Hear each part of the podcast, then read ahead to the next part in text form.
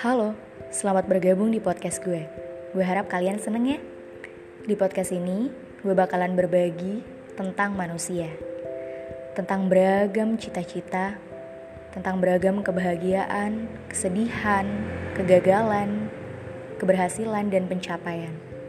Setiap manusia punya titik kesyukuran dan nikmat yang berbeda.